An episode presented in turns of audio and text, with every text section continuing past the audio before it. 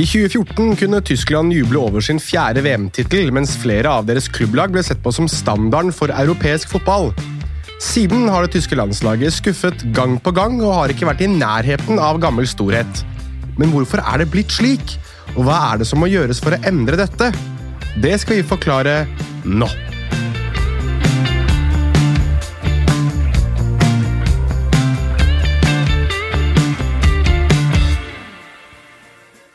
Når du rangerer opp mesterskapsfavoritter, enten det er EM eller VM, så er du sikkert en av de som sier Frankrike, Argentina, Brasil, England og Spania.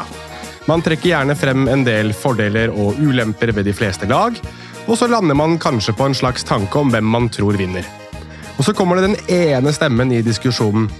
Men hva med Tyskland?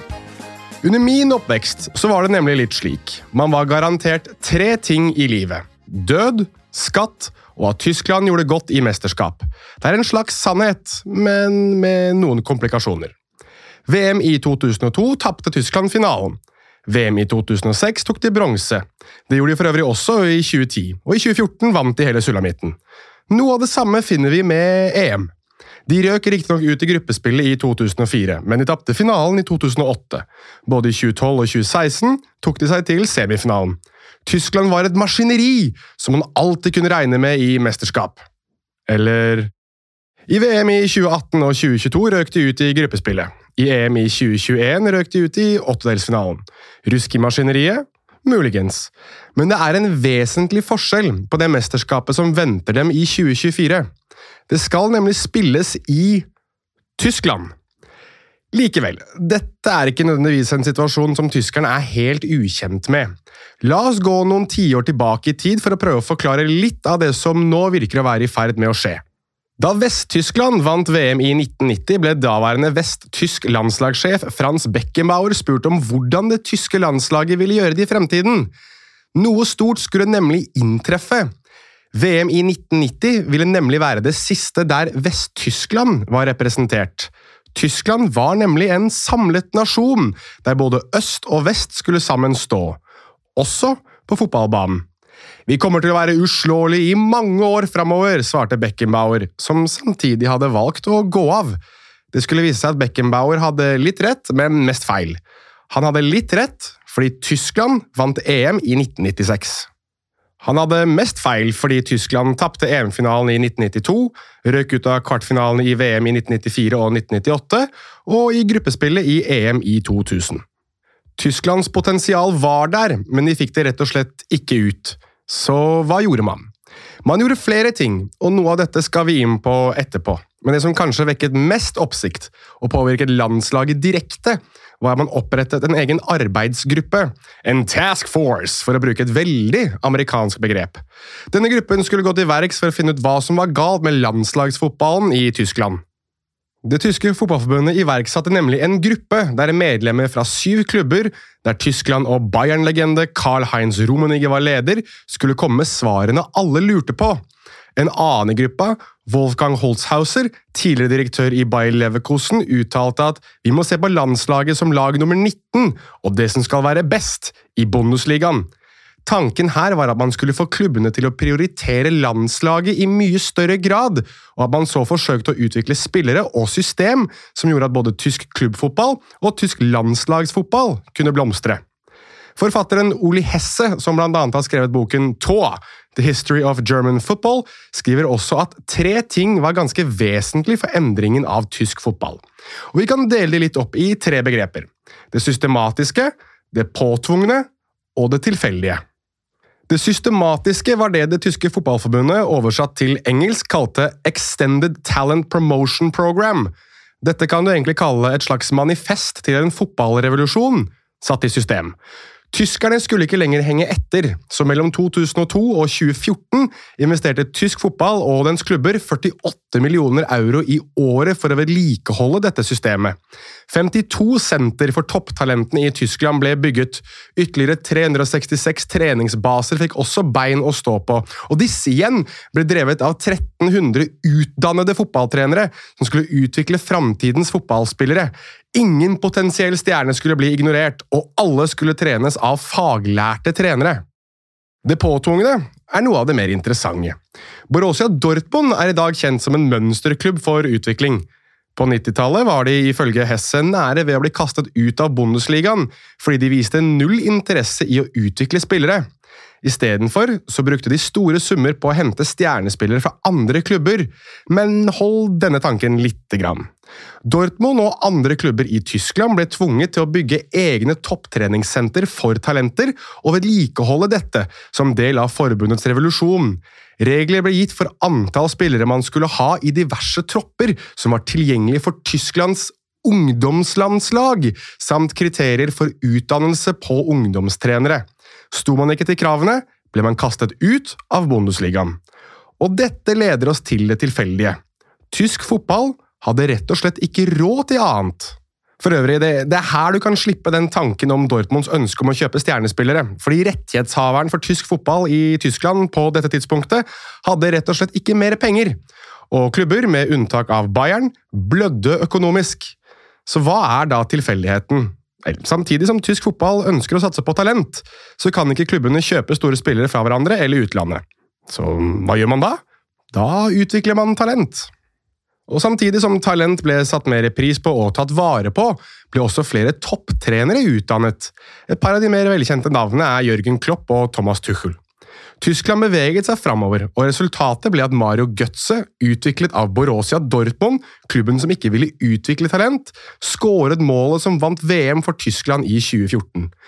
Dette er den kjappe og kanskje noe overfladiske forklaringen, men dette kan vi sikkert gå dypere i materien på i en annen episode av Fotball forklart.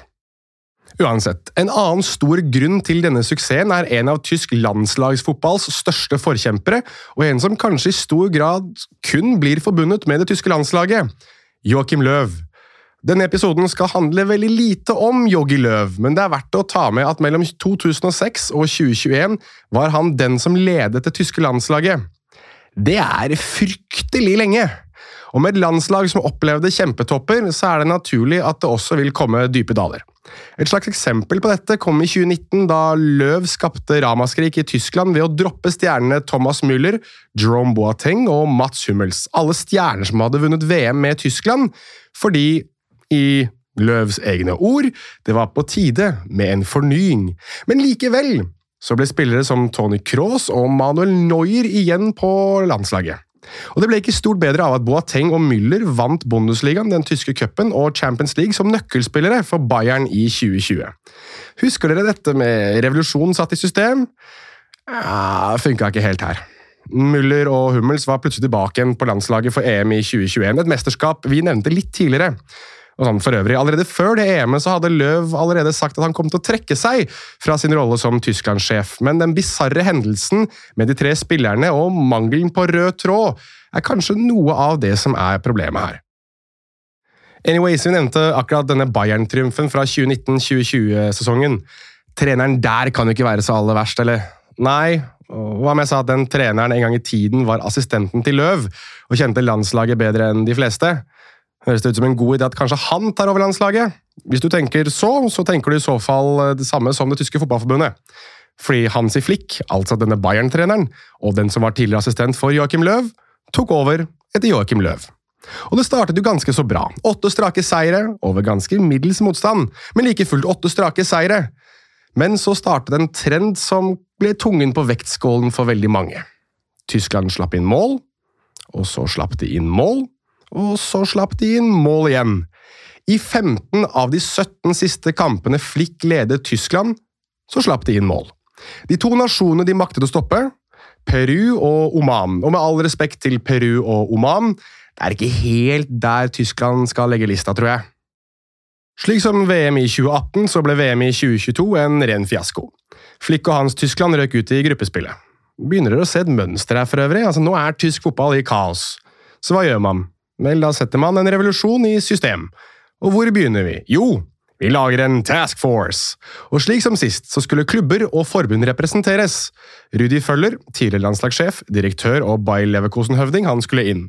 Og Det samme skulle Bayern-helten Romenige, som var med i sist Task Force. Han fikk følge av Bayerns keeperlegende Oliver Kahn, som selv voktet buret for Tyskland i en årrekke. Fotballpresident Bernt Neuendorf var selvskreven, mens visepresident og Dortmund-sjef Hans Joachim Watzke også ble valgt inn. En annen Dortmund-kjenning som for øvrig også var innom Bayern München, det er Mathias Sammer. Han anses som en av de største fotballtenkerne i tysk fotball, så dermed så skulle han selvfølgelig inn i denne taskforcen.